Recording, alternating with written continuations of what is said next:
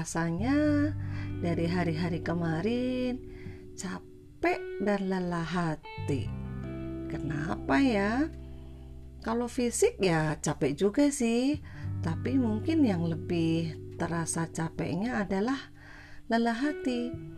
Baru juga pindah sekian bulan, ternyata harus pindah lagi.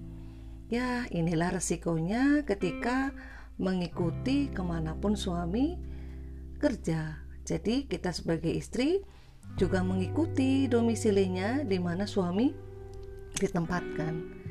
Nah, yang kasihan adalah anak tentunya. Ketika pindah di suatu tempat yang mungkin harapannya paling tidak cukuplah untuk uh, satu tahun ajaran baru sehingga anak dipindahkan. Nah, baru 2-3 bulan anak pindah di suatu sekolah, ternyata e, karena pekerjaan maka berpindah domisili lagi mengikuti domisili ayahnya. Nah, bagaimana sih kemudian akhirnya apa? Kita lihat barang-barang yang ada itu rasanya aduh harus beberes lagi, harus packing-packing lagi, harus e, bebersih lagi, harus kemudian menata lagi di tempat yang baru.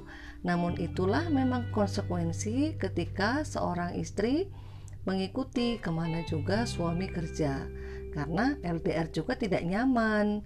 Nah, jadi bagi mungkin ada emak-emak, bunda-bunda, ibu-ibu yang e, mempunyai suami dengan pekerjaan yang berpindah-pindah tempat, apalagi pindah tempatnya itu yang mungkin antar kota antar bahkan kotanya antar pulau itu tentu butuh suatu tips khusus gitu sehingga eh, apa bisa kemudian eh, apa ya dengan cepat ketika tahu dipindahkan ke mana saja. Saya jadi teringat cerita salah seorang saudara eh, saya di mana dia mempunyai suami yang harus berpindah-pindah antar provinsi antar pulau. Jadi sekolah anaknya pun selama satu masa uh, sekolah dasar itu bisa uh, kisaran 4 sampai 5 SD berpindah. Nah, ini juga tentu butuh pendampingan dari orang tua terkait dengan adaptasi anak. Jadi bahkan katanya barang-barangnya itu ada yang belum sempat dibuka, ternyata harus berpindah domisili lagi.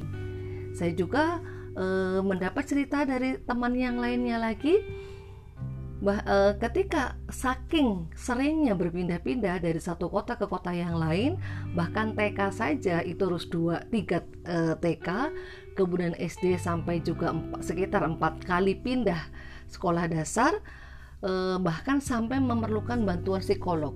Karena memang ya tentu e, apa psikologis ibu bahkan psikologis anak yang harus beradaptasi kembali itu tentu membutuhkan suatu energi yang besar dengan uh, berganti teman yang masih dalam satu sekolah saja. Misalnya nih contoh ketika naik kelas kemudian teman-temannya di rolling itu tentu kan juga butuh energi yang besar.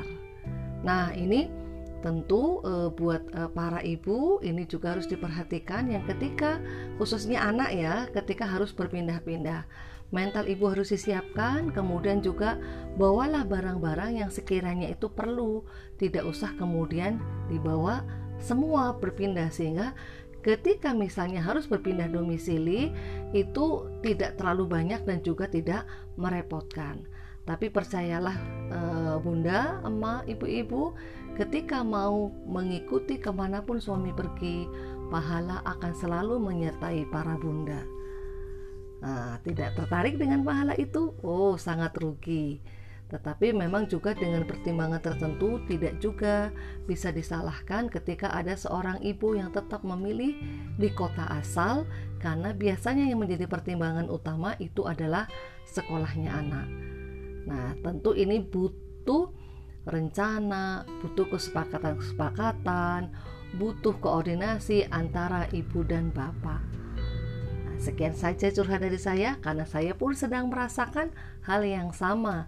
Ketika anak baru dua pekan sekolah ternyata harus berpindah domisili ini tentu butuh suatu eh, penjagaan, penataan emosi dan juga manajemen sehingga anak-anak tidak terdampak secara serius pada sisi psikologisnya. Sekian, semoga ini bisa menjadi sekedar informasi, sekedar curhat yang itu siapa tahu juga bunda-bunda, ibu-ibu, emak-emak juga mengalami. Bye bye.